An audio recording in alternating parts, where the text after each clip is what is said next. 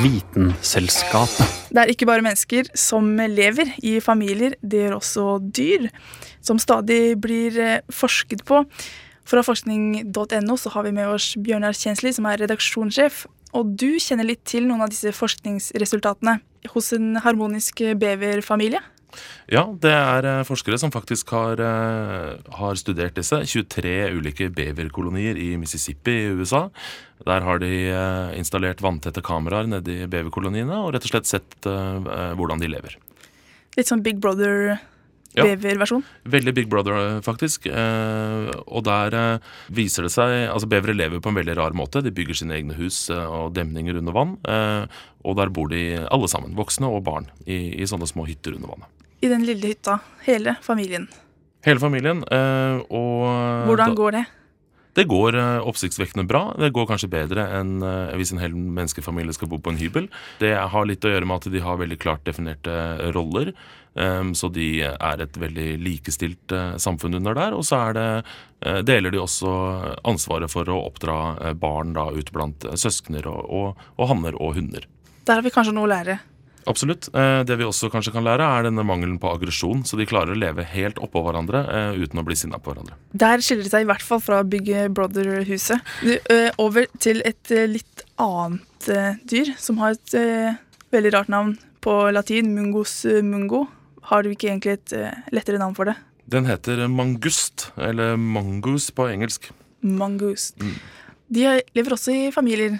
Ja, de lever sammen, eh, og de har en ganske rar måte å oppdra hverandre på. Litt sånn, eh, sånn som eh, mennesker gjorde før. At vi ikke nødvendigvis oppdro barna våre, men vi oppdro de ungene som trengte å bli oppdratt.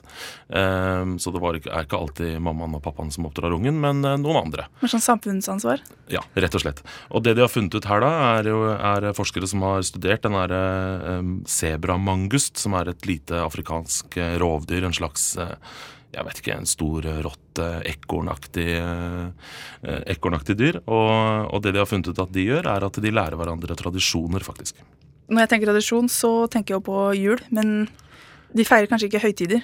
Nei, det er ikke akkurat det. Men det de har funnet ut, er eh, Altså, tradisjon brukes i forskning på samme måte som sånn eh, kultur eller innlært eh, atferd, som er, skilles da fra, fra um, instinkt. da. Så det er ikke noe de på en måte er født med, eller noe de må gjøre. Eh, så det de har funnet ut her, er at eh, når disse her skal, eh, skal spise så spiser de gjerne biller eller egg eller eh, ting da med et hardt skall utapå og mat inni. Og det er da ulike måter å få tak i den maten som er inni. Og det de har funnet ut at de gjør, er at de har to forskjellige metoder. Det er noen som som da biter eh, hull på egget eller på billene. Mens det er andre som foretrekker å, å kaste det i bakken og, og knuse egget eller, eller, knuse billene.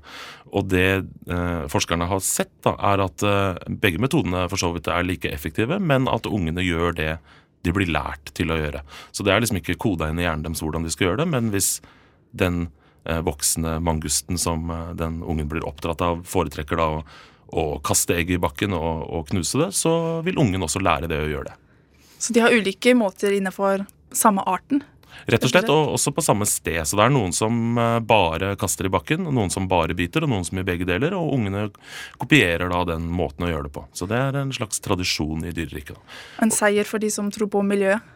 Ja, absolutt. Og, og, det er ikke bare mangusten som gjør det heller. Det, det er det samme da med, med sjimpanser, har man sett. Og, og, man kan også se det i, eh, i dyreriket, eh, i byer f.eks., hvor det kommer nye ting. Som f.eks. en forsker som vi snakka med, som sa at når før i tida, når det kom melkeflasker med sånn aluminiumsfolie oppå, så var det noen spurver som eh, skjønte at uh, hvis man hakker hull i den aluminiumsfolien, så får man tak i melk.